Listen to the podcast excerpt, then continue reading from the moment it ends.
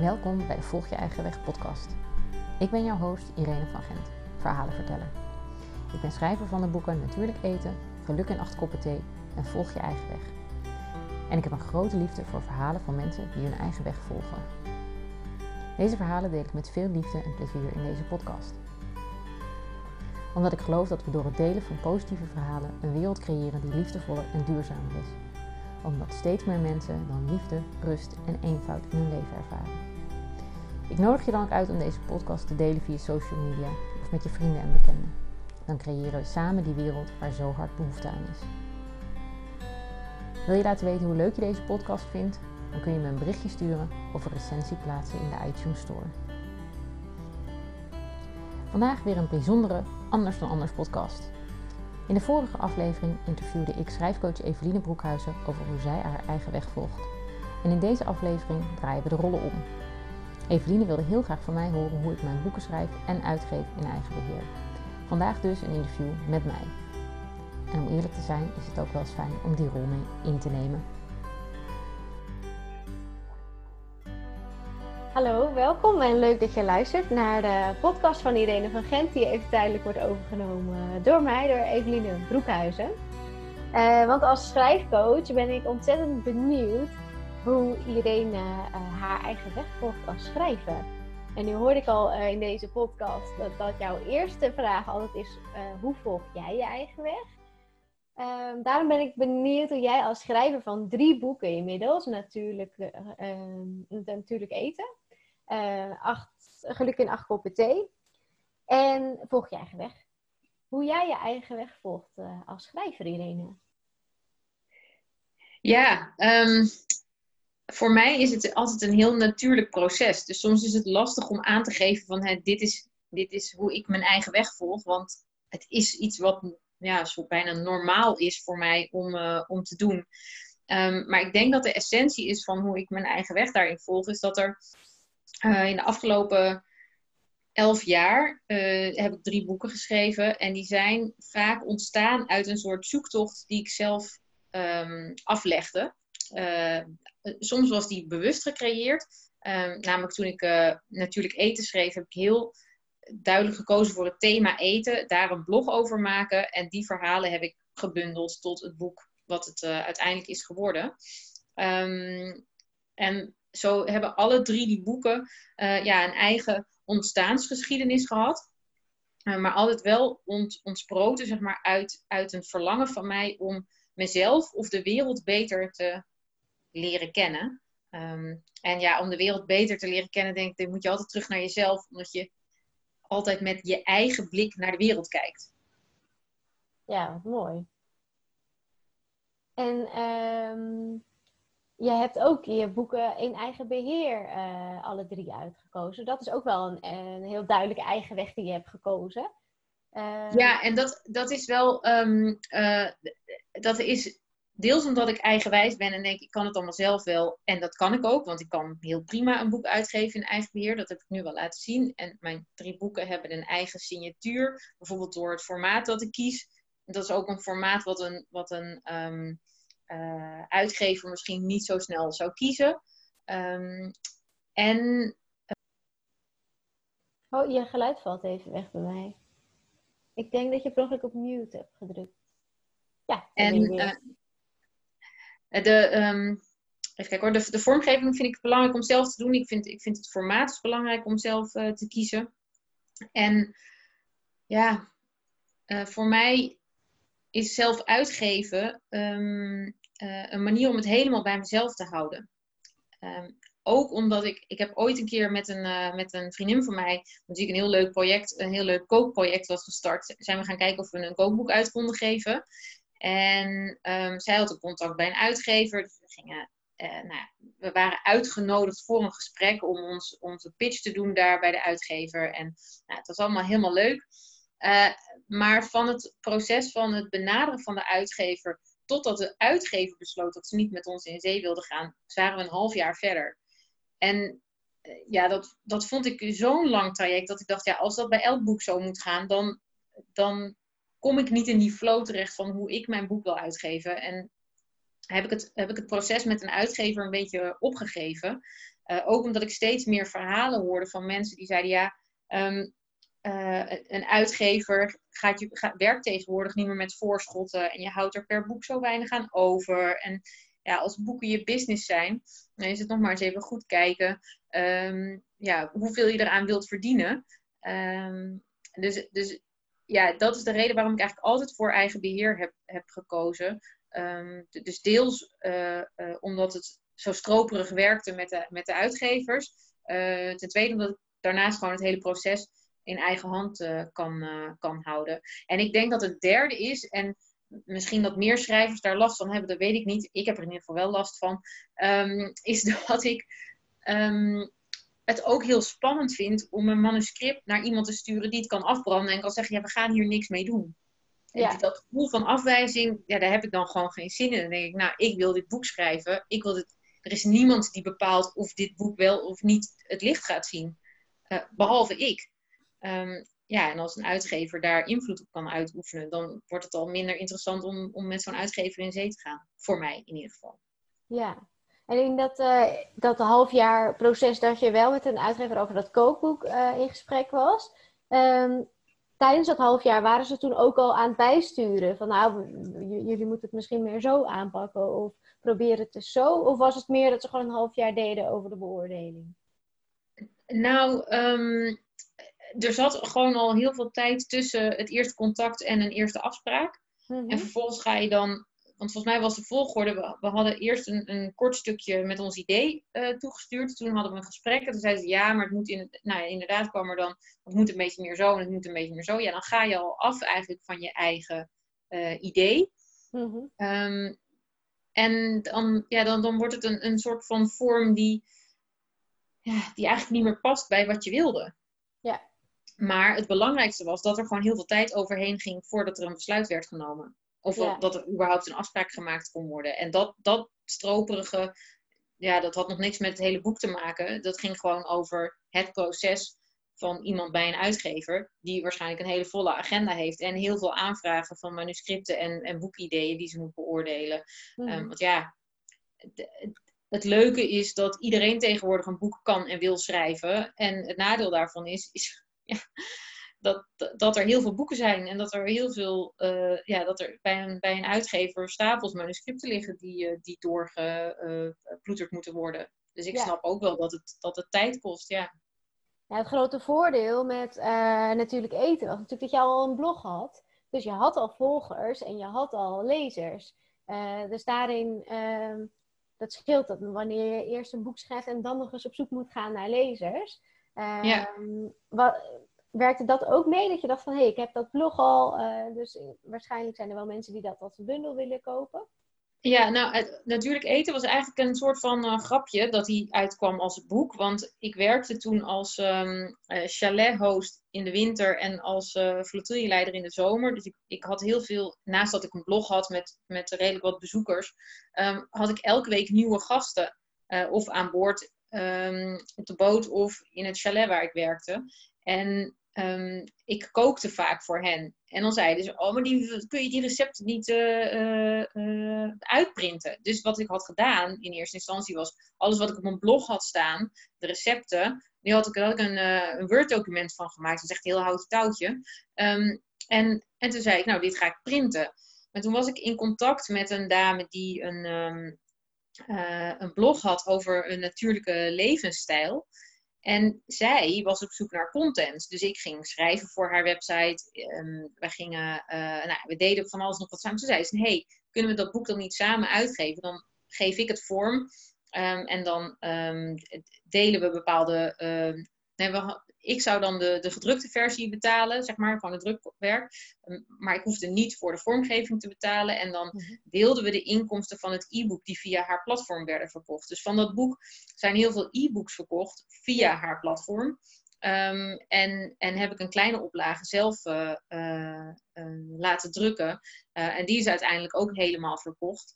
Um, ja, en dat was makkelijker omdat ik toen als kok werkte. Dus ik, ik had gewoon, ja, weet je, zodra mensen mijn eten uh, hadden gegeten, dachten ze, oh, dat is, dat is leuk, dat wil ik ook. Dus dan na zo'n week dat ze bij, met ons uh, aan het varen of, of uh, skiën waren geweest, ja, dan dachten ze, oh, dan, koop ik, dan koop ik ook nog een boek. Dus dat, dat, Ja. dan, en dat is met lezingen precies hetzelfde. Dus bij Geluk in acht koppen thee geef ik, dat gaat over yoga, geef ik veel lezingen bij eh, yogascholen. Ja, na zo'n lezing willen, al, willen alle yoga-studenten dat boek kopen. Ja, zodra je ervan geproefd hebt, eh, dan wil je meer. Ja, ja, Of het nou om eten gaat of om een lezing. ja. Ja, ja. mooi. Ja. Want gel- eh, geluk in acht koppen thee, heb je dat, heb je dat ook in eigen, eh, dat heb je ook in eigen beheer, maar heb je dat ook met crowdfunding uitgegeven, zoals Volg je eigen weg? Of was het bij Volg je Nee. eigen weg echt nieuw? Ja, dat was voor Volg je eigen weg echt nieuw. Ehm, en eh Geluk in acht koppen thee heb ik eh, wel een voorverkoop gedaan. Mhm. Maar ik voelde gewoon aan alles dat dat boek er moest komen. En ik heb toen ook meteen een hele eer- hoge, of redelijk hoge eerste oplage gedaan. Ehm, eh, en dat, ja, dat, dat is dan meteen een enorme investering. Mhm. Maar zo leer je ook, ja, gedurende het proces leer je ook weer van, hey, ehm, hoeveel boeken ga ik kopen bij zo'n eerste oplage? Ehm, eh, hoe ga ik, weet je, hoeveel geld heb ik nodig? Kijk, nu weet ik dat ik gewoon, als ik een boek wil uitgeven, dan heb ik een potje nodig met geld. eh, eh, om dat te kunnen doen. En dan is het lekker dat dat potje er al is en dat je niet per se met crowdfunding of voorverkoop hoeft te werken. Maar dat je je kosten gewoon kunt dragen. In plaats van dat je, want dat was bij Volg je eigen weg met de crowdfunding. Ja, dat vond ik heel heftig. Om en het boek af te maken en een crowdfunding te doen. Dus ook daar heb ik weer enorm veel van geleerd. eh, hoe, dat, eh, hoe dat beter kan. Ja. ja, want het is natuurlijk fijn om je promotie niet pas helemaal te doen als het boek al af is en er al ligt. Maar aan de andere kant, als je echt nog aan het maken bent, aan het creëren bent en je moet al promotie doen, zoals bij een crowdfunding programma, eh, ja, crowdfunding programma dan ehm, kan ik me voorstellen dat dat ook een beetje tegen de raads is. Heel erg, want je zit zo in dat, in dat proces van naar binnen gaan en het boek afmaken. En tegelijkertijd naar buiten treden om je geld binnen te halen. Dat is gewoon, ja, dat is een, een hele slechte combinatie. Voor jou Zeker. in elk geval. Wat zeg je? Voor jou was dat in elk Ja, geval en een slechte zeker ook, want nou, het deel van mijn, van mijn laatste boek gaat ook over je eigen ritme volgen. En Ja, dat was precies in de winter. En ik ben in de winter gewoon, ja, dan moet ik gewoon naar binnen keren en het rustig aan doen. Eh, en dan en een boek afmaken ehm, met een editor en een vormgever en een crowdfunding doen. En nou, dat was voor mij, ja, nou ja, over leerzame projecten gesproken, dat is het boek maken toch altijd wel. ja, zeker weten. En zou je nu zeggen van, nou, ik zou echt nooit meer crowdfunding doen? Of ehm, denk je van, nou, ik weet nu beter, als ik het nog eens zou doen, zou ik het anders aanpakken? Ehm, nou, ik, ik weet niet of ik crowdfunding weer zou doen. Ik zat er namelijk wel laatst aan. Ik heb, ik heb nu sinds kort besloten dat ik echt voornamelijk me wil richten op het schrijven van boeken. Ehm, en, ehm, en, en ik ben met een nieuw boek bezig. Eh, ook al is Volg je eigen weg net uitgekomen. En toen dacht ik, ja, weet je, ik kan dat boek ook gewoon al op de site zetten. Met een verwachte verschijningsdatum. Want ik ben er al mee bezig. Ik bedoel, ik ken mensen die dat hebben gedaan. En die, die zijn al drie jaar met een boek bezig. Nou is dat absoluut niet mijn intentie. ehm, om drie jaar over dit boek te gaan doen. Want daarvoor is het een veel te leuk boek en wil ik het veel te graag schrijven. Ehm, maar dan heb je, kun je je voorverkoop dus al beginnen. Ja, het en als je dan Het geeft ook wel Ja? een fijne energie als, als je aangeeft, kijk, dit wordt mijn boek, dit ben ik aan het schrijven. Ja, Als je het al zo naar buiten brengt. In plaats, ja. Soms is het fijn om het allemaal nog even binnen te houden, binnenskamers. maar je, bent, er- je deelt er ook al eh, over op je Facebookgroep, toch? Ja, daar ben ik ook wel weer mee gestopt, want ik, ik, ik heb een haat-liefde verhouding met Facebook. Dus ik, ik, eh, ik krijg daar nog niet de juiste vibe van. Maar jij gaf mij een goede tip van een website waar ik wel al delen zou kunnen eh, publiceren. Dus dat wil ik nog eens even verder gaan, eh, gaan uitzoeken. Nu, eh, nu de rust van de lancering van Volg je eigen weg een beetje voorbij is en ik weer tijd heb om op andere dingen te focussen. Ja. ja, we hadden het nu heel erg over een beetje het uitgeefproces en de crowdfunding. Maar hoe is dat schrijfproces bij Volg je eigen weg verlopen? Hoe heb je dat ervaren? Ehm, nou, Volg je eigen weg was wel het moeilijkste boek, denk ik, om te schrijven. Ehm, omdat ik bij eh, de eerste twee boeken had ik een heel duidelijk thema. En een heel duidelijk kader waar ik wat ik aan het schrijven was. En um, bij Volg je eigen weg had ik dat niet. En dat ging in eerste instantie over hoe je een eenvoudiger leven kon leiden. En ik was daar begonnen met schrijven met een heel ja, boos verhaal over hoe de wereld nu in elkaar zat. En um, nou is boosheid wel een fijne uitlaatklep, maar nou, niet echt nuttig of nodig voor een boek. Uh, dus, dus toen had ik dat boek geschreven en dacht ik, oh, dit is echt een goed boek. En toen stuurde ik het naar mijn uh, editor of uh, schrijfcoach. Ehm, we hadden laatst al zo'n, jij en ik hadden al zo'n gesprek over hoe noem je zo iemand. Maar in ieder geval degene die tegenleest en mij van kritische commentaren voorzag. En zei ze, ja, weet je, dit negatieve, dat is helemaal niet, niet zo oké. En uh, uh, toen zei ik, nou weet je, ik heb drie jaar geleden nog een boek geschreven. Dat stuur ik je even toe. En toen kwam ik erachter dat ik een, een heel manuscript ook alweer klaar had liggen. Dat ging over je droomleven creëren.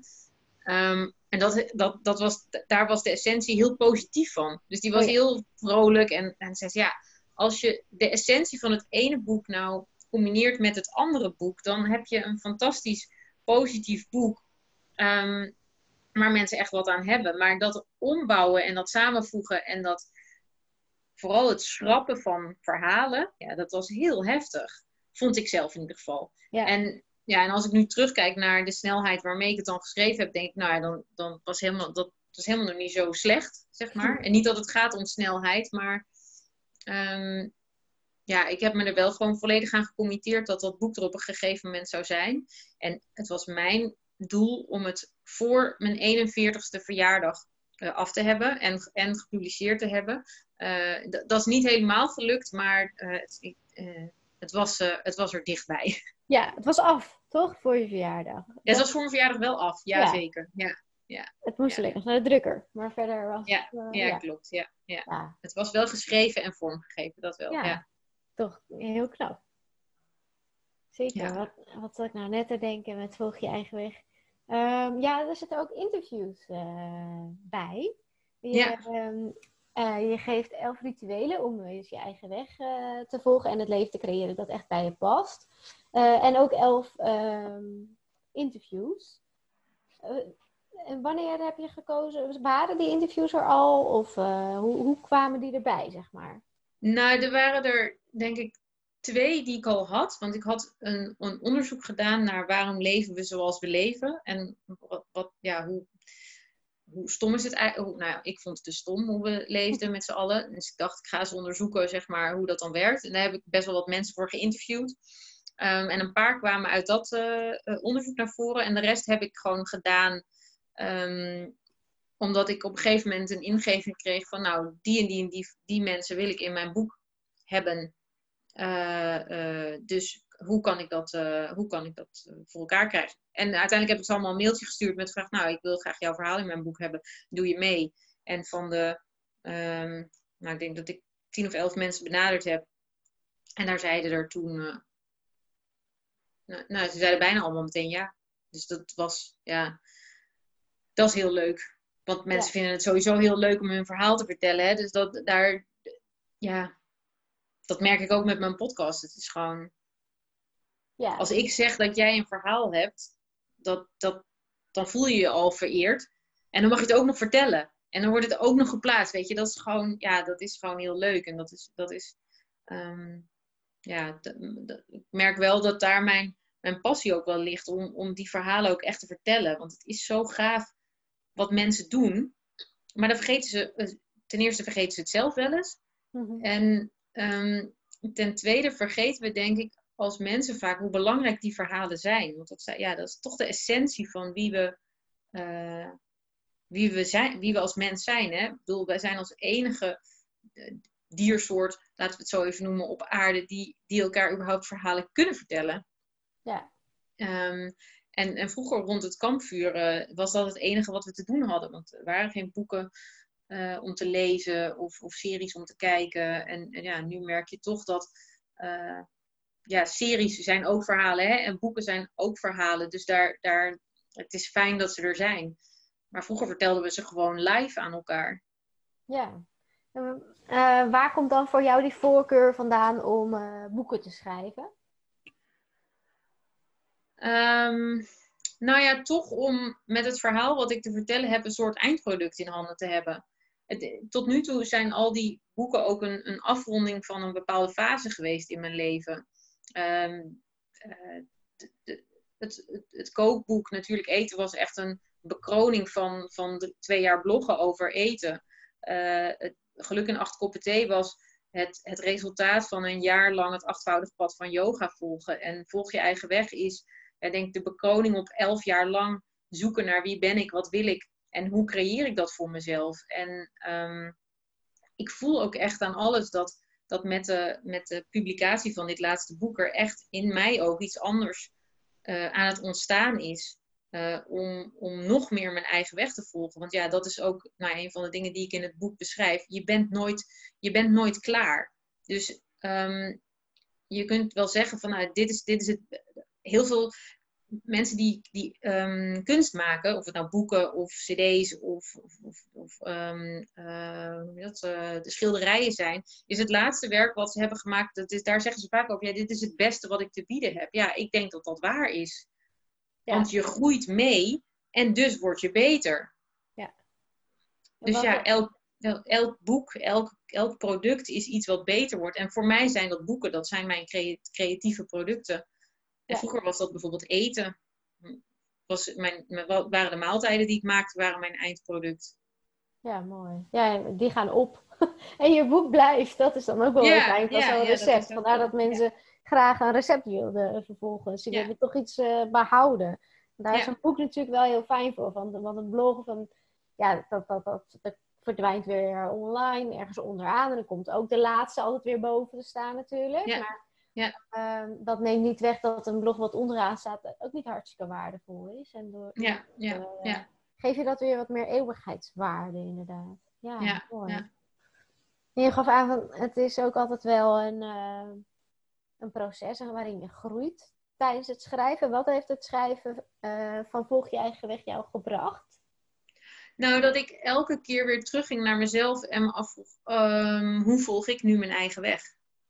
En um, ik ben nu nog um, uh, met de promotie uh, bezig en ik was van, vanochtend uh, een video, of ik maak video's waarin ik dan voorlees uit het boek. En daar was ik het hoofdstuk over je relatie met geld was ik aan het voorlezen. En dat wat daar stond, ja, dat, dat is nu weer van toepassing op, op mijn leven. En op een andere laag, op een ander niveau. Maar wat ik net al zei, je, je blijft steeds in ontwikkeling. Dus, dus bij elke stap die ik zette bij het boek en uh, bij alles wat ik schreef, moest ik me steeds weer afvragen: oké, in hoeverre volg ik hier mijn eigen weg? Wat kan ik hier nog anders in doen? Um, hoe kan ik dichter bij mezelf blijven? Is het waar wat hier staat? En nou ja, zo ja, zo is dat boek.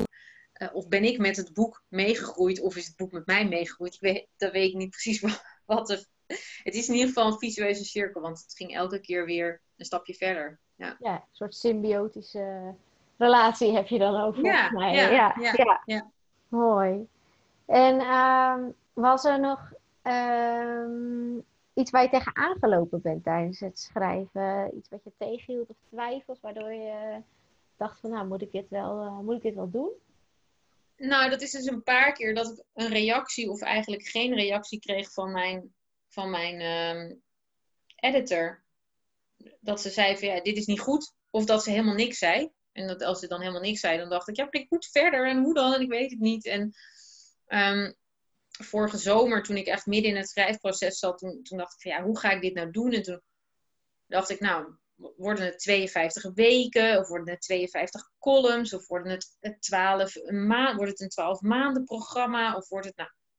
En toen besefte ik, ja, als het echt gaat over je eigen weg volgen en als ik echt, echt kijk naar ik dit heb gedaan, dan is er geen stappenplan. Want je, je, je kunt je niet je eigen weg volgen volgens een stappenplan, want dan volg je niet je eigen weg, want dan volg je een stappenplan van iemand anders. Dus en, en ook, kijk, ik benoem elf rituelen. En kijk, ik heb een uh, niet zo'n goede relatie met geld, maar jij misschien wel. Dus dat hoofdstuk over geld, dat gaat misschien, ja, misschien kun jij daar voor jezelf nog iets in doen. Um, maar ga, fiets je er bij wijze van spreken zo doorheen. Uh, terwijl jij met een thema als uh, ja, ik noem maar even wat, hè. Ik, ik weet Mhm. niet of het waar is, maar goed voor je lichaam of goed voor je ziel zorgen. Dat jij daar, daar juist meer moeite mee heeft. En dat dat voor mij vanzelf gaat. Dus er is geen tijdspanne waarin je met een bepaald thema bezig kunt zijn. Ja, ja. En En daarom heb ik ze benoemd als rituelen. En, en dat je, ehm, ja, je kunt er zo lang over doen als je wilt. En tegelijkertijd komen al die dingen bijna elke dag terug. Want je hebt inderdaad, ik zal ze even heel kort noemen. Dat je, dat men, je gaf al twee eh, voorbeelden. Ehm, je leeft volgens je eigen, volgens je natuurlijke ritme noemde je al. Oordeelloos leven. Bewustzijn van je levenspad. Een goede relatie met geld. Goed voor je ziel zorgen, goed voor je lichaam zorgen. Eh, ge- gezonde relaties. Leven vanuit liefde. Durven kiezen. Verantwoordelijkheid nemen en groeipijn eh, hoort erbij. Mhm. Ehm, waar, wat, je, wat is het dat het een ritueel maakt? Nou, een, een ritueel voelt voor mij als iets wat je ehm, met regelmaat terug laat komen eh, in je leven. En waarin, kijk, een ritueel kun je ook, omdat er hangt een bepaalde, er een, hoe noem je dat, mystieke, eh, iets mystieks aan hangen. Mystieke zweem was het woord wat in me opkwam, maar dat klinkt een beetje gek. Maar weet je, dat, dat er, er zit iets mysterieus aan, aan een ritueel ook.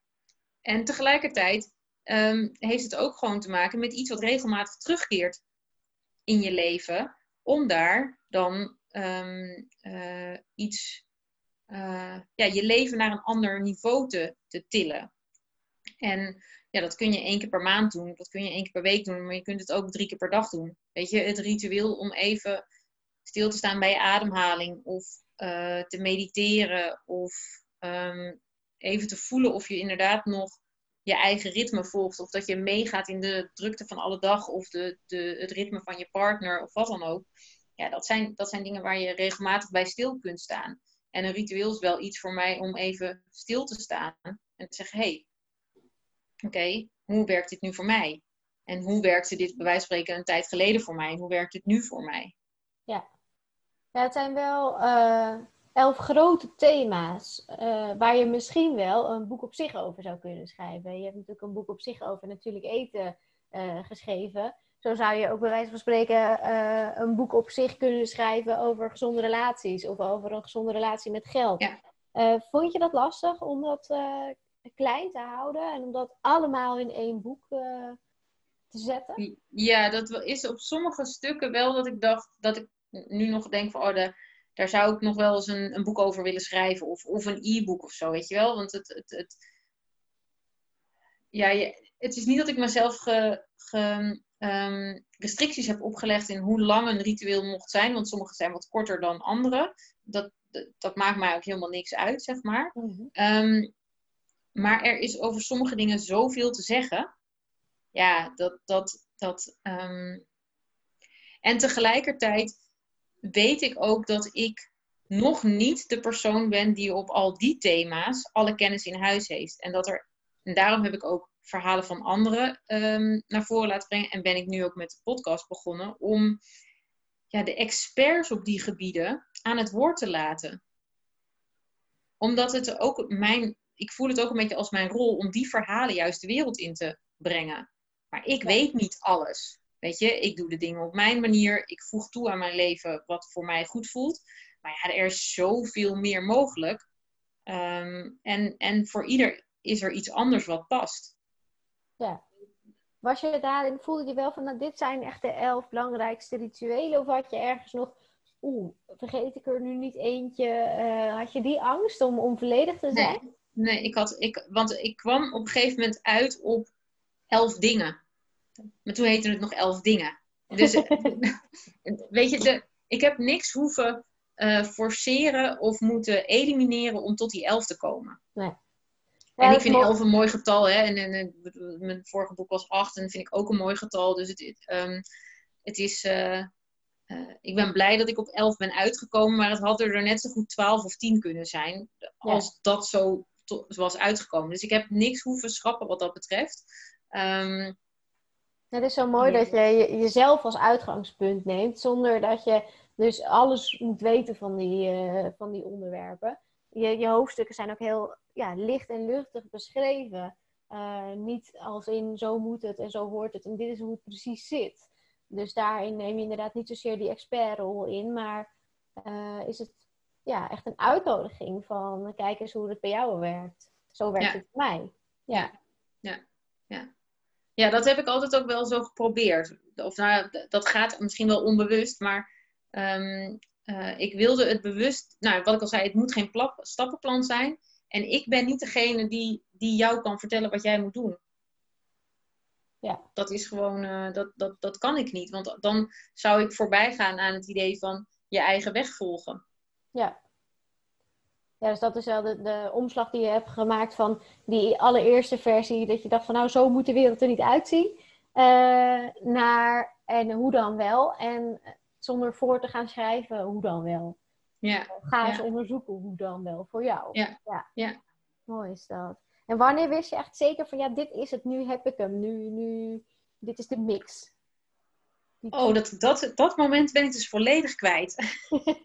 ik heb echt, ik kan me namelijk, want ik, ik, ik weet nog dat ik vorige zomer logeerde in het huis van vrienden van mij.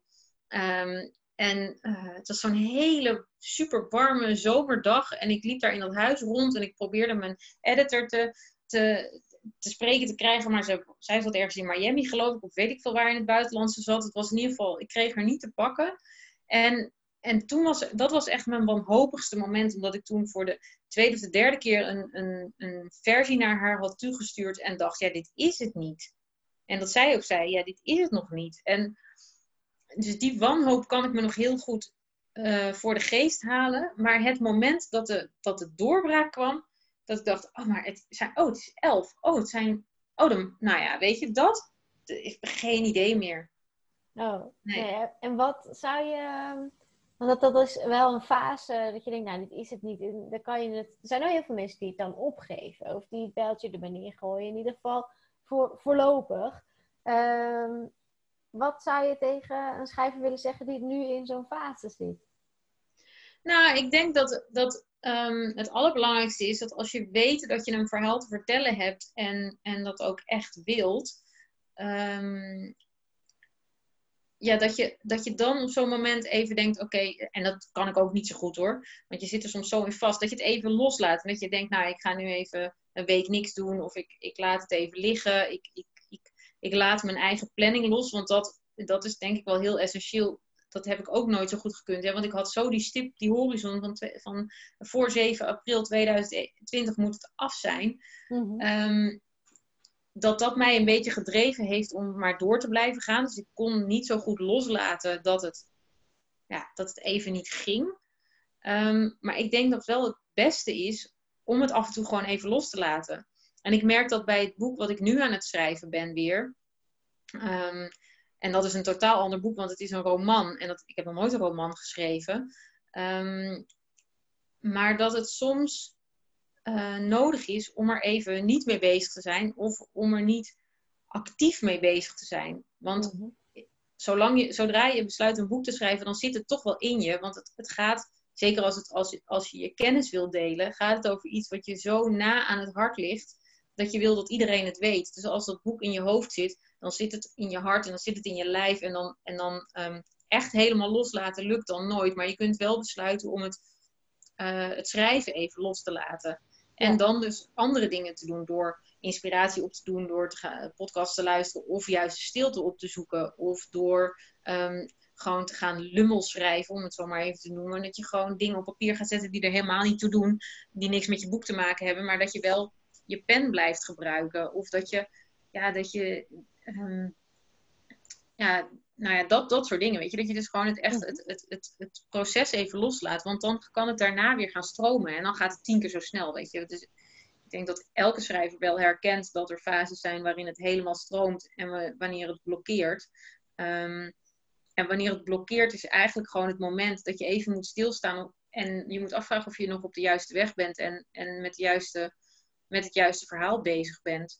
Ja. Uh, om vervolgens weer verder te gaan. Ja, want aan de ene kant heb je het stilstaan en uh, het over, overdenken en even overzien van. Uh, en, en ook het loslaten. aan de andere kant heeft die ehm, stip op de horizon ja, misschien ook wel weer geholpen om door te gaan. Om eh, naar een soort eind toe te werken. In plaats van maar, te, dit is namelijk ook best wel een boek waar je, omdat het zo met je meegroeit, waar je een leven lang over door zou kunnen schrijven, bij wijze van spreken. Ja. Ehm, herkende je dat ook? Had je dat ook bij je andere boeken? Dat je dacht van, nou, dan moet het af. Of hè, dat, dat bepaalde doelen jou eh, hebben geholpen daarin? Nou, ik denk eigenlijk niet dat ze me geholpen hebben, maar eerder tegengewerkt hebben. Ehm, want ik heb altijd inderdaad een stip op de horizon gehad. En ehm, soms ook wel zulke krappe deadlines dat het niet altijd even plezierig was voor mij en de mensen met wie ik werkte om het boek te maken. En ik had met mezelf afgesproken bij dit boek geen stress meer te hebben. Maar omdat mijn eigen schrijfproces in de zomer zo stagneerde en ik de essentie van het boek niet te pakken kreeg. En doordat mijn editor en mijn vormgever allebei ziek werden op een gegeven moment. Waardoor het project uh, stagneerde. Um, ja, voelde ik aan alles toch een bepaalde druk omhoog komen. Die het schrijfproces misschien niet altijd ten positieve beïnvloed heeft. Kijk, als je boek helemaal klaar is. Als je weet, oké, dit is het. Dit is, de, dit, is het, dit is het stramien. Dit is wat ik erin wil zetten. En dan kun je wel deadlines gaan stellen. Van, oké, weet je, um, ik heb nu iemand nodig die het gaat corrigeren, die, die, die de, de, puntje op de i zet. Ik heb nu een vormgever nodig, die moet het in zoveel weken af hebben, weet je. Dan kun je wel deadlines gaan stellen. Maar voor het schrijfproces is het eigenlijk fijner um, om een richting te hebben, maar geen deadline. Ja. ja. Ik hoorde overigens laatst, las, of ik las het eigenlijk, um, uh, dat een deadline iets daadwerkelijk dood kan slaan. En dacht ik, ja, het heet dus niet een deadline. Um, uh, en die kwam met het woord birthline. En toen dacht ik, oh ja, het is ook wel een mooie, um, uh, ja, een, een, een mooi nieuw woord, zeg maar, om mee te leven. Om, om, nou ja, weet je, je hebt de wens dat er dan iets geboren wordt. Uh, maar als, dat nog niet, als het er nog niet klaar voor is, ja, dan moet je misschien nog even wachten. Ja. En dan plaats je, dat is natuurlijk met, als een baby in je buik zit en geboren wordt, dan is dat natuurlijk niet zo. Nou ja, die komt ook nooit op de Die uitgerekende... komt ook op een gegeven moment eruit. Ja, maar niet, niet altijd op de uitgerekende datum. Nee, nee, nee, nee. nee, Ja. nee. Mooi. Birthline, die ga ik eens onthouden. Want inderdaad, het is een soort geboorte, zo'n boek waar je toch eh, vaak minimaal wel negen maanden mee bezig bent. Ja, eh, zeker. Ja. voordat het terecht is. Ehm, en ehm, zorgt hij op een andere manier voor een soort stok achter de deur om te blijven schrijven? Of is dat iets wat jou natuurlijk eh, eh, overkomt? Dat je dan zo vol bent van zo'n boek dat je niet kan wachten om weer eh, verder te schrijven? Nou, dat, zo, dat sowieso. Maar ik plan dat dus wel in in mijn agenda. Ja, Ehm, en bij mij is dat dan de ochtend werkt voor mij vaak het beste. Ehm, dus, en daar ben ik ook een beetje in aan het onderzoeken. Maar voor mij werkt het eigenlijk het beste dat ik opsta, mijn ochtendritueel doe en dan ga schrijven. Dan heb ik dus nog, bijvoorbeeld nog niet gedoucht. Maar dan zit ik zo in die, in die afgestemde ehm, eh, flow dat ik heel makkelijk kan schrijven. Ehm, en dan schrijf ik gewoon, nou anderhalf uur. In ieder geval. En de ene dag, eh, als ik, als ik gewoon heel ruim de tijd heb, dan, dan blijf ik wat langer zitten. En de andere keer is het inderdaad anderhalf uur. En, nou ja, en soms komt er dan smiddags nog een moment dat ik denk, oh, ik heb nu inspiratie. Of er komt weer een zin door. Of ik heb zo'n zin om door te schrijven. Dan had ik bijvoorbeeld vanochtend had ik zo'n moment dat ik echt in een leuk stuk zat. En toen moest ik stoppen. Nou, en dan heb ik gewoon zin om straks nog even door te schrijven. Ja. ja, wat fijn. Jouw ochtendritueel, waar bestaat dat dan uit? Ehm, dat is best uitgebreid. Ik neem daar zo'n twee uur de tijd voor. En dan doe ik, ehm, eh, ik mediteer. Ik schrijf mijn morning pages. Eh, ik doe yoga. En ik probeer wat te lezen. Eh, en, en dat ehm, varieert een beetje per periode. Ik ben nu bijvoorbeeld bezig met twee meditaties die ik dan 's ochtends doe. Ehm, en, en bij die ene meditatie zit ook nog een opdracht. Dus dat, dan, daar neem ik dan ruim de tijd voor. Eh, mijn, yoga is meestal 20 tot 30 minuten. Schrijven ook een half uur ongeveer. Nou ja, en zo ben ik die eerste twee uur van de dag bezig. Als ik dan eerder op ben gestaan dan dan de, eh, dan de wekker ging, dan heb ik iets meer tijd. En dan heb ik ook echt uitgebreide tijd om nog even te lezen. Ehm, ja, en dan, en, dan ga ik, en dan ga ik echt schrijven. Dus dan, dan pak ik, als ik dat moment gehad heb, dan uh, pak ik mijn laptop en dan ga ik aan mijn boek verder werken. Of een tekst voor een nieuwsbrief of een, wat dan ook. Ja. Heb je altijd, uh, of altijd klinkt een beetje, maar werk je al lang zo? Of heb je dit op een gegeven moment ontwikkeld? Uh, nou, dit is wel van de laatste vier, vijf jaar dat ik dat, dat, ik dat zoveel mogelijk erin probeer te houden. En de, de ene keer ben ik wat strikter dan de andere keer, ben ik wat losser. Um, maar ik merk dat ik nu um, ook weer echt. Nou ja, ik heb het laatst iets ontdekt. Waarvan ik dacht, nou, nu, dit ga ik nu eens uitproberen. En ik, daar word ik dus heel enthousiast. ik echt heel enthousiast van.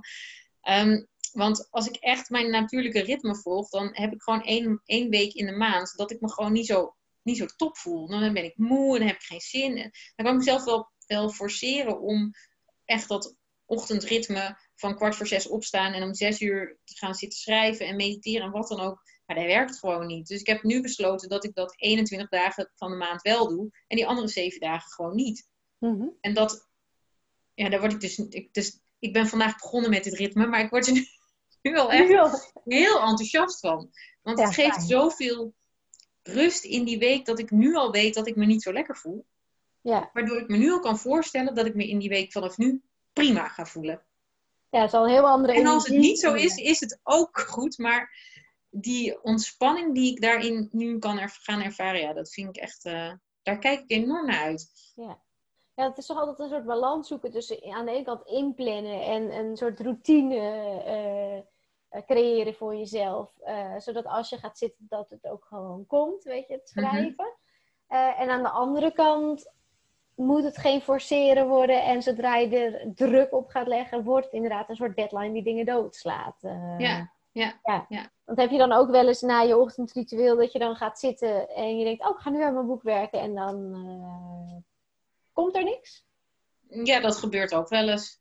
Ja, en, en dat is dus het moment dat ik dan het even loslaat en of uh, schrijfoefeningen ga doen of ga wandelen. Omdat ik denk, nou ja, het, komt, het schrijven komt nu niet. Maar misschien als ik in beweging kom, dan komt er wel weer wat. En dan wil, wil het wel eens gebeuren dat ik tien minuten onderweg ben. En, en een ingeving krijg. En denk, ik moet weer terug naar mijn schrijftafel. Of dat ik, als ik mijn telefoon bij me heb, uh, gewoon um, het inspreek. Of, uh, of uh, gewoon in een notitie zet. Um, omdat het dus weer is gaan stromen. En soms heb je die beweging gewoon nodig. Want het is, ja, de inspiratie komt niet als je ervoor gaat zitten. Dat is het een beetje. Mm-hmm. Behalve als die stroom gewoon in je op gang is. Dus als die stroom, doordat je het veel doet, uh, er gewoon is, ja, dan is het prima. Uh, en soms, kijk, ik had dat vandaag, dan, ik ben met een heel leuk stuk bezig. Ja, en, en het, het, het, um, ik vind het ook een spannend stuk om te schrijven. Dus ja, dan, dan nou, dan hou ik mezelf misschien ook nog wel een beetje tegen af en toe om bepaalde dingen op papier te zetten en het niet 100% te, nog te laten stromen. Maar ja, als ik daar doorheen ben, dan kan alles weer geschreven worden. Ja, het bruist wel in elk geval. Uh... Ja, ja, zeker. Ja. Ja. ja.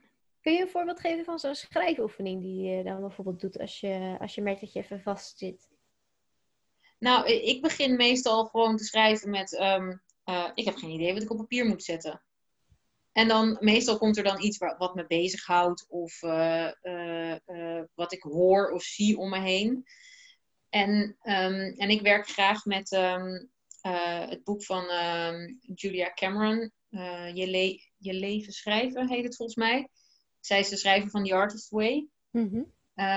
en dan, ja, dan pak ik gewoon een, een oefening daaruit. En zij geeft ook wel eens inderdaad van die oefeningen dat je gaat omschrijven wat je ziet. Dus als ik dan nu hier op deze plek waar ik nu zit naar buiten kijk, dan zie ik uh, uh, een boom en die, er zit een blaadje aan en die bewegen in de wind. En ik zie een lantaarnpaal en ik zie de lucht met wolken en blauw. En nou, weet je, dus dan ga je dat op een mooie, of noem je dat, uh, beschrijvende manier opschrijven. Ja, en dan, dan oefen je dus meteen ook je, je zintuigen.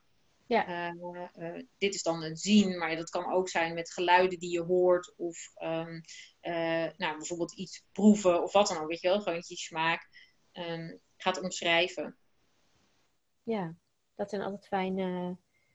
ja, om je daar dan de focus op te leggen in plaats van het lukt niet. Dat, op de een of andere manier begint het dan ook weer te stromen, inderdaad. Ja, ja, ja. Ja, mooi. En ook al, misschien juist als het even niks te maken heeft met je boek, denk ik.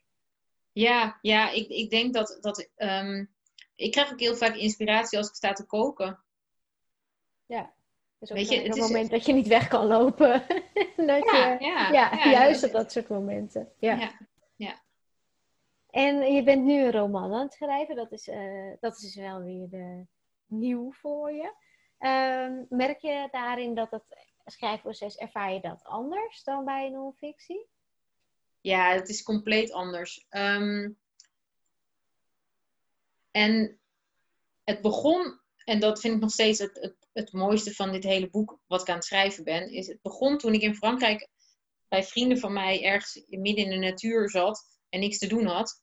En toen werd ik op een gegeven moment wakker s ochtends met een paar zinnen in mijn hoofd en ik ben die gaan opschrijven.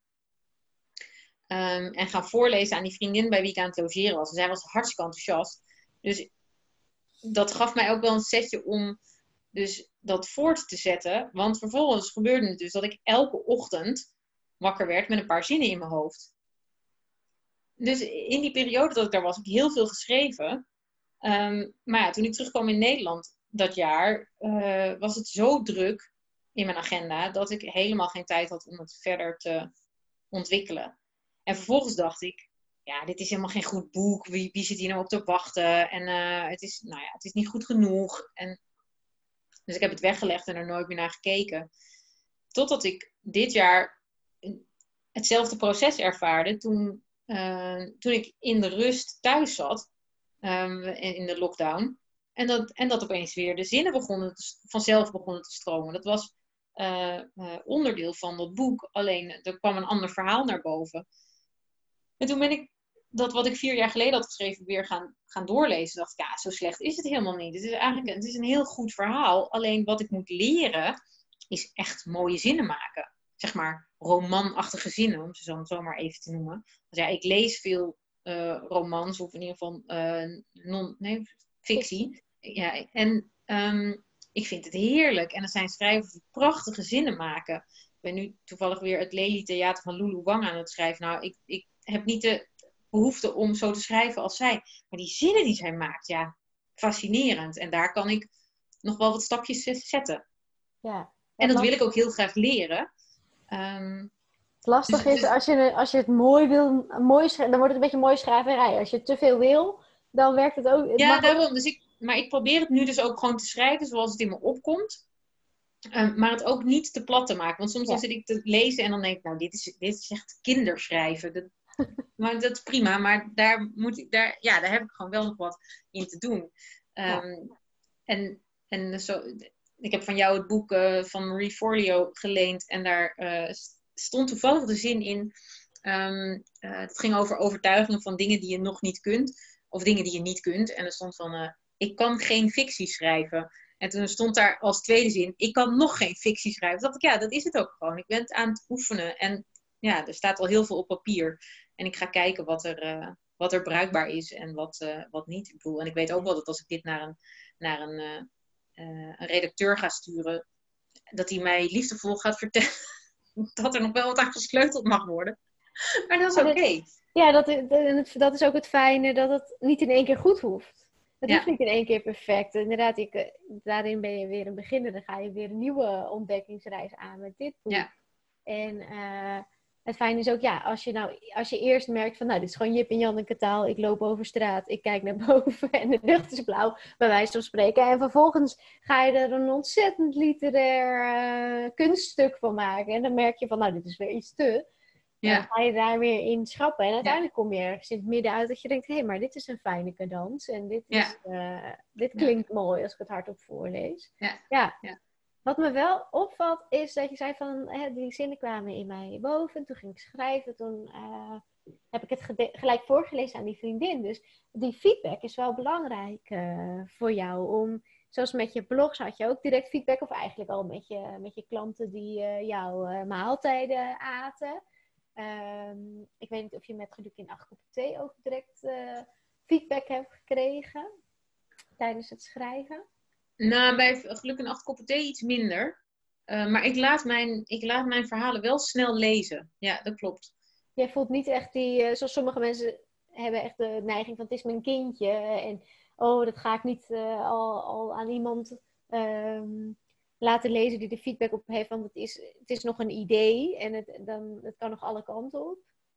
Ja, dat, dat is ook, het, het kan ook nog alle kanten op. Maar ik vind het wel fijn om ja, toch een soort van reactie te krijgen van hoe mensen het ervaren. Want anders ben je een boek aan het schrijven waar niemand op zit te wachten, bij wijze van spreken. Mm um, en ja, voor wie schrijf je het dan? Dat is dan een beetje de, de, de, dus en, en je neemt mensen dan ook mee in het proces. En ik heb ook heel veel boeken wel laten lezen die ik niet heb uitgebracht. Um, soms omdat de feedback niet goed was of omdat het niet goed voelde. En nu merk ik, die boeken, dat zijn dus veel boeken, um, die in deze roman gedeeltelijk terug kunnen komen. Dus dat is ook grappig. Dus ik, ik heb zoveel al geschreven voor dit boek. Dus er moet ook heel veel geschrapt gaan worden. Nou, misschien wordt het wel een, een, een zevendelige serie, zoals Seven Sisters of zo, weet ik veel. Ja, ja, mooi om te merken wat een overvloed er dan is. Ja, en hoe soms ook kennelijk het toen nog niet de tijd was voor dit type boek. Zoals je ook met volg, je, volg je eigen weg ook, had je ook nog een uh, manuscript liggen over je, je droomleven leven. En, en ergens een soort poos uh, pamflet van hoe de wereld eruit moet zien. En dat die twee dan toch weer... weer ja, soms is het ook niet oké om het even terzijde te leggen. En te weten, als het komt, dan komt het... Uh, misschien is er later een moment waarin het... Ja, ja, ja, klopt. Ja. Ja, wanneer het kan, ergens toe kan dienen. Ja, mooi. Wat vroeg ik me nou net nog af? Um, ja, eh, heb je ook met proeflezers gewerkt dan? Of je werkt met een editor die uh, je echt tijdens dat uh, het schrijfproces van feedback ehm, voorziet? Heb je ook dat je, dat je verschillende proeflezers een stuk gaat le laten lezen, zodat je van meerdere kanten je daar een vast groepje zeg maar voor? Of voorzien? Nee, dat zijn elke keer weer andere mensen. Um, en dat is ook oké, okay, um, omdat het uh, ja, die bewegen ook mee met mij, zeg maar. Dus, ja. dus degene die mijn vorige boeken hebben proefgelezen, ja, dat zijn die, die of, of ik heb minder contact met ze, of het boek is niet, niet zo relevant voor ze. Of, nou ja, dus ik kies elke keer mensen van, oh, jij bent een goeie, je houdt van lezen. Je, want dat vind ik wel belangrijk. Mensen moeten wel een gevoel bij boeken hebben. Mm -hmm. uh, om, om er iets over te kunnen zeggen. Ja. ja. Dus, uh, en geef je, zeg je dan gewoon, kijk, dit is mijn nieuwe manuscript, wat vind je ervan? Of geef je ze ook uh, gerichte vragen mee? Nou, het was wel grappig, want dit jaar heb ik ze dus e-, helemaal niks meegegeven. En de feedback was, ik heb bij andere boeken wel, wel um, gerichtere feedback gekregen um, dan dit keer, ja. Oké, ja. Want geef je ze wel richtlijnen hoe jij feedback wil hebben? Van dit geval, oh ja, lees lekker. Nou, nee, dat heb ik deze keer dus niet gedaan. Deze keer nee. gewoon het manuscript toegestuurd en gezegd, nou, uh, uh, wat uh, vind je ervan? Ja, ja. Ja, en toen was het, nou, supergoed. Nou, prima. en die paar opmerkingen waar die dan gemaakt worden, ja, daar doe ik dan iets mee. Dan, dan denk ik, oh ja, dan, ik sta erbij stil van, nou, wat, kijk, feedback wordt natuurlijk ook altijd gegeven vanuit de persoon die het leest. Hè? Dus mhm. als zij het niet eens zijn met iets wat ik schrijf, wil dat nog niet zeggen dat het niet waar is. Um, ik zou het anders kunnen, her, uh, ik kan, zou het anders kunnen formuleren. Um, maar ja, het is uiteindelijk mijn verhaal, mijn, mijn boek, dus um, uh, mijn waarheid. En ja, mijn waarheid hoeft niet jouw waarheid te zijn. En als die het wel is, is het heel fijn, want dan hoeven we niet in discussie te gaan. Maar dan kunnen we gewoon zeggen, ja, dat vind ik ook.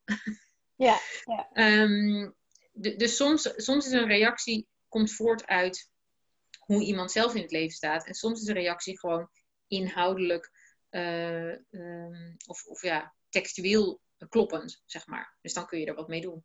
Ja, dus je kijkt eigenlijk altijd als je feedback krijgt van waar, wat, kan ik, wat kan ik ermee? Ja, en, en, en wat, hoe staat het in relatie tot het verhaal wat ik heb geschreven? En soms mhm. zijn er inderdaad gewoon gaat het over zinnen die niet lekker lopen. Soms gaat het over, inderdaad over, over uh, een reactie op wat ik geschreven heb. Ja. hoe ga je daarmee om ehm, nu het boek er is met recensies? Of ben je, ben je iemand die de recensies gelijk leest of die het misschien liever niet uh, ziet? Nou, het is wel grappig. Um, nu, de recensies die nu binnenkomen zijn allemaal lovend, dus daar, uh, die lees ik met veel plezier. Maar toen ik Geluk in acht koppen thee had uitgebracht, um, kwam er een, um, had ik het naar de Nederlandse bibliotheken gestuurd. Want het, ik vind dat fijn als mijn boek ook in de bibliotheek ligt, want ik maak zelf veel gebruik van de bibliotheek. Dus dan is het fijn als mijn boek daar ook is voor mensen die niet uh, uh, het boek willen kopen, mm -hmm. maar wel willen lezen. Dus uh, ik had uh, uh, dat boek naar de, naar de bieb gestuurd en daar kwam een recensie. Nou, echt niet normaal. En het was, dus die stond zo haaks op wat mijn lezers ervan vonden. Dat het, ja, nou ja, ik, ja, wie heeft hier nou de, de, de waarheid, zeg maar, over dit boek in handen? Want ja, dat wat, dat wat er geschreven werd over, over, over geluk in acht koppen thee, ja, dat, dat stond haaks op, op inderdaad, wat ik al zei, op, wat de lezers, er, wat, wat mijn relaties ervan vonden die het hadden gelezen. Dus ik had echt zoiets van, ja, dit is wat het is, hè. Dit is iemand die, nou, die vindt dit. En daar kon ik me toen, in, in eerste instantie was ik heel erg geraakt. En dacht ik, ja, maar dit is dus niet van mij. Dit is van, van degene die die recensie heeft geschreven. Ja, ja ik, uh, uh, ik weet dat die recensies van Biblion inderdaad, uh, dat is dan het centrale uh, orgaan van de bibliotheken. Um, dat, dat er meer schrijvers uh, erop vallen dat, dat ze merken van oké, okay, maar dit is dus iemand, door iemand gelezen die niet bij mijn doelgroep hoort. Dus ja. dan krijg je ja. een heel aparte recensie, om het ja, even zo te zeggen.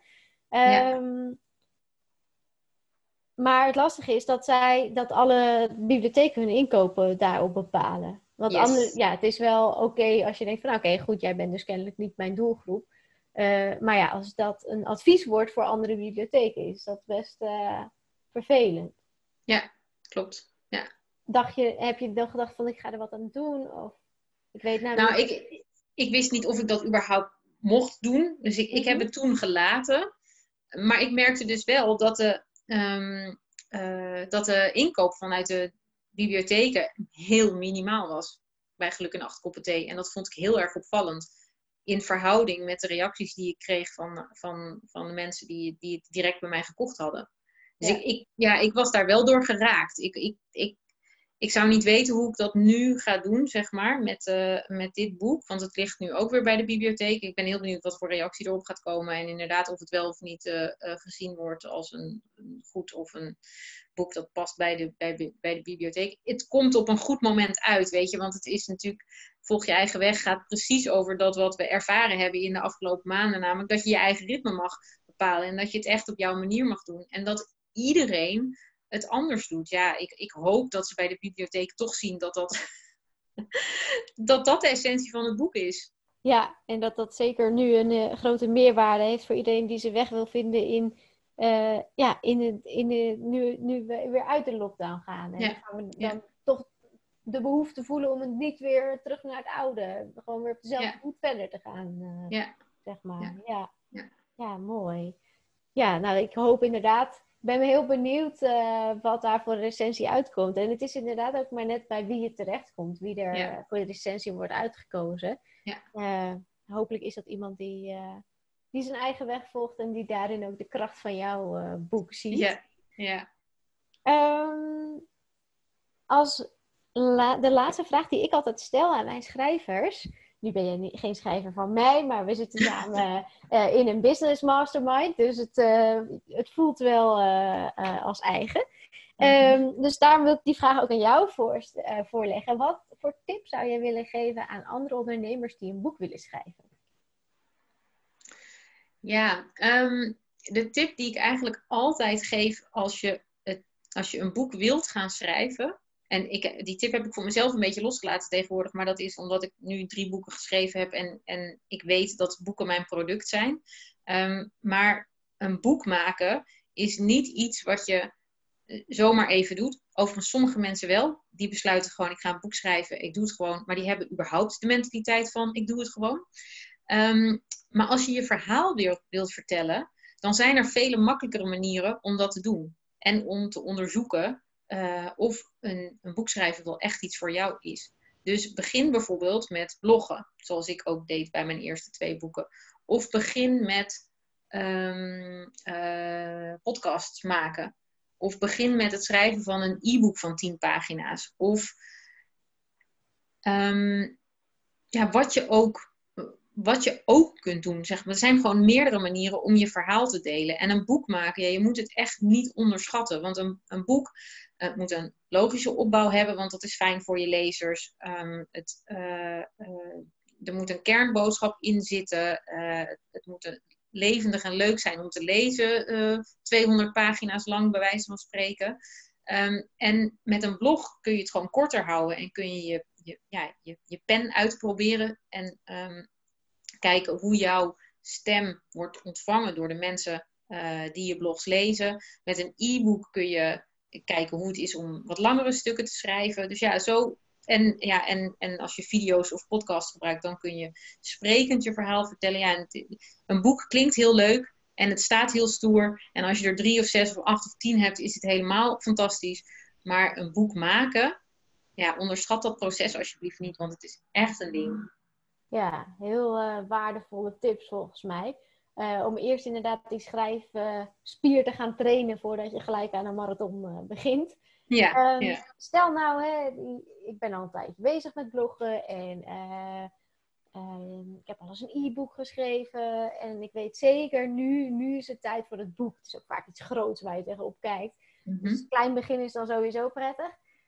Maar wat als ik nou echt al aan het schrijven ben? En ik wil, zit er ook aan te denken om het zelf uit te geven, zoals jij dat hebt gedaan. Welke tip mm -hmm. zou je dan uh, willen geven voor iemand die zijn boek zelf wil uitgeven?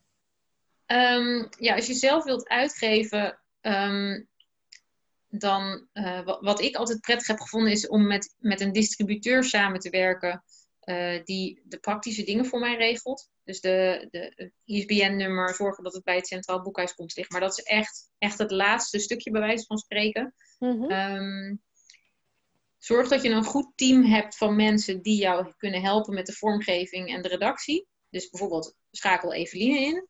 Um, want die kan je daar, uh, ja, weet je, je hebt altijd iemand nodig die meeleest of tegenleest of kritiek geeft of wat dan ook om je boek beter te maken. Want het is, iedereen kan het zelf, bij wijze van spreken, maar het wordt echt beter als je het samen doet.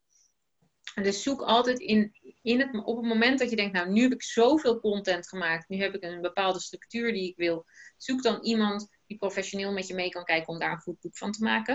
Um, en als je dan um, in eigen beheer wilt uitgeven, ja, dan heb je gewoon een paar dingen nodig.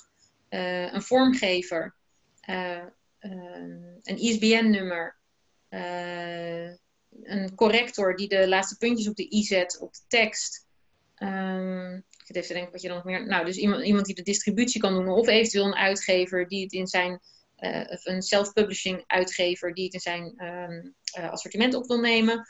Uh, ja, en, en dan is het gewoon schrijven, afmaken en promoten. En dan ja, zorg dat je zo ongeveer zo'n 10.000 euro hebt om het om een eerste druk van duizend exemplaren te maken als je uh, full color gebruikt. Um, en um, uh, zeg ik dat goed? Ja. Ja, dus als, mijn boeken zijn altijd heel mooi vormgegeven door een vormgever die daar dus veel tijd in stopt.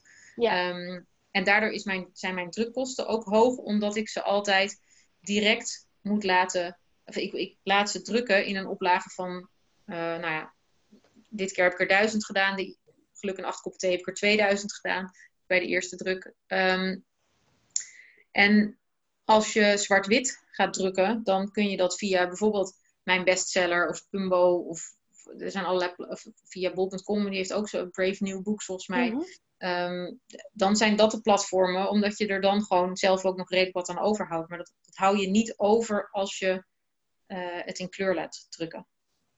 Ja, dat is ook, je hebt ook mooie, je zei altijd dat je een afwijkend formaat hebt en je hebt mooie flappen ook. Dat zijn allemaal dingen ja. die, uh, die net even, die geven je boek net even meer cachet, maar die kosten ja. ook net even wat meer. Ja, uh, dus dat ja. kan niet, want wat ik dus bij, bij mijn bestseller en, en dat, dat soort uh, organisaties heb je dan, dus dat je print on demand doet. Dus dan worden ze gewoon per stuk geprint. Um, wanneer het besteld wordt, ja. Wanneer het besteld wordt, ja. Ja. ja, het wil niet altijd zeggen dat het goedkoper is, want het wordt per stuk dan eh, vrij duur. Ja, maar je hoeft niet van tevoren zo'n grote investering eh Ja, te doen. ja, Dat scheelt. ja. Ja, dat is altijd een, een afweging inderdaad. Eh, Want bij Printing on Demand kun je dus ook niet zeggen, al is het maar bij de boekhandel op de hoek, we leggen een stapeltje van tien stuks neer. Nee, nee, dat klopt. Dus nou is dat maar- ook nog een enorme uitdaging, want ik ben naar de boekhandel om de hoek gegaan en die nemen dan één exemplaar af. Oh ja. Dus eh, je moet wel goede vrienden zijn met de boekhandel om de hoek, willen ze meteen tien exemplaren neerleggen. Ja, nou ja, het is ook, nemen ze het af of is het, eh, zeg maar, word je pas afgerekend als hij verkocht wordt? Ja, nou, Eh. dat is dus, ja, dan heb je dus, dan werk je met consignatie en ik, ik doe dat niet meer. Ik heb dat wel een paar keer gedaan, maar daardoor ben ik ook best wel wat boeken kwijtgeraakt. Dus ik heb eh, maar besloten om het gewoon nu eh, alleen nog maar te laten inkopen. Ja, ja, want als ze het in conciliatie doen, dan willen ze er nog wel eens tien eh, neerleggen. Maar ja, dan moet je er als, eh, als je dus niet iemand hebt voor de distributie en die dat allemaal administreert, dan moet je er zelf dus ook weer achteraan, inderdaad. Ja, en dat is gewoon veel gedoe. ja, Dus, ja. dat kan ik me goed voorstellen.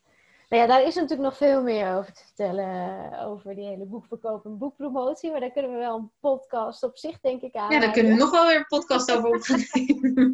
We raken niet uitgepraat. nee. Nou, ik vond het in ieder geval hartstikke leuk. eh, nou ja, om eh, deze rol ook in jouw podcast eh, even Ja, te, mogen, ja. te mogen innemen. En om zo meer te weten over jouw schrijven- en uitgeefproces. Echt heel gaaf om te merken wat je allemaal hebt geleerd. en dat je nu gewoon met iets nieuws aan de slag bent. Met iets wat ook helemaal nieuw is voor jou. Ook al ben je al zo'n eh, ervaren schrijver. Ja. Ja, Ja. gaaf om te merken. Dus dat eh, volg ik eh, heel graag. Ik ben benieuwd waar de roman toe gaat leiden. ja, nou, ik ook. ja, mooi. Nou, dat is het leukste, toch? Als je zelf Ja, ook zo is- nieuwsgierig kan zijn naar hoe het vanmiddag Ja. weer verder gaat. Als je weer verder gaat schrijven. ja zeker. Ja. Leuk. Wil je nog iets delen? Is er nog iets wat je van het hart eh, moet? Nou, ik vind het echt heel leuk dat we dit gedaan hebben. En eh, ik ben blij met je vragen, omdat het ook mij weer even ja, uitnodigt om over dat hele proces na te denken. Van hoe gaat het nou eigenlijk? Terwijl het zo natuurlijk en vanzelf gaat bij mij vaak. ehm, ja, zitten er toch dingen in die, die handig zijn om, eh, om te volgen. Ja. Dus, ja, het is Ja. fijn om er soms even bewust... Juist als het zo natuurlijk gaat, ben je er soms niet helemaal bewust van. ja, klopt. Dan is het fijn om er even bij stil te staan, inderdaad. Ja. Ja. Mooi. Nou, dankjewel. Jij ook bedankt. Heel super fijn om, eh, om te doen. Leuk.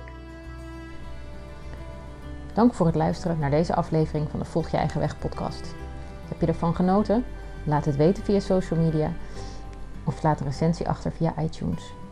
Heb je een tip voor een goed verhaal, een inspirerende ondernemer of heb je een vraag over het volgen van je eigen weg? Stuur me een berichtje en ik neem contact met je op. Meer informatie vind je ook op mijn site irenevangent.com. Daar bestel je ook mijn boeken en kun je je aanmelden voor de Volg je eigen weg community.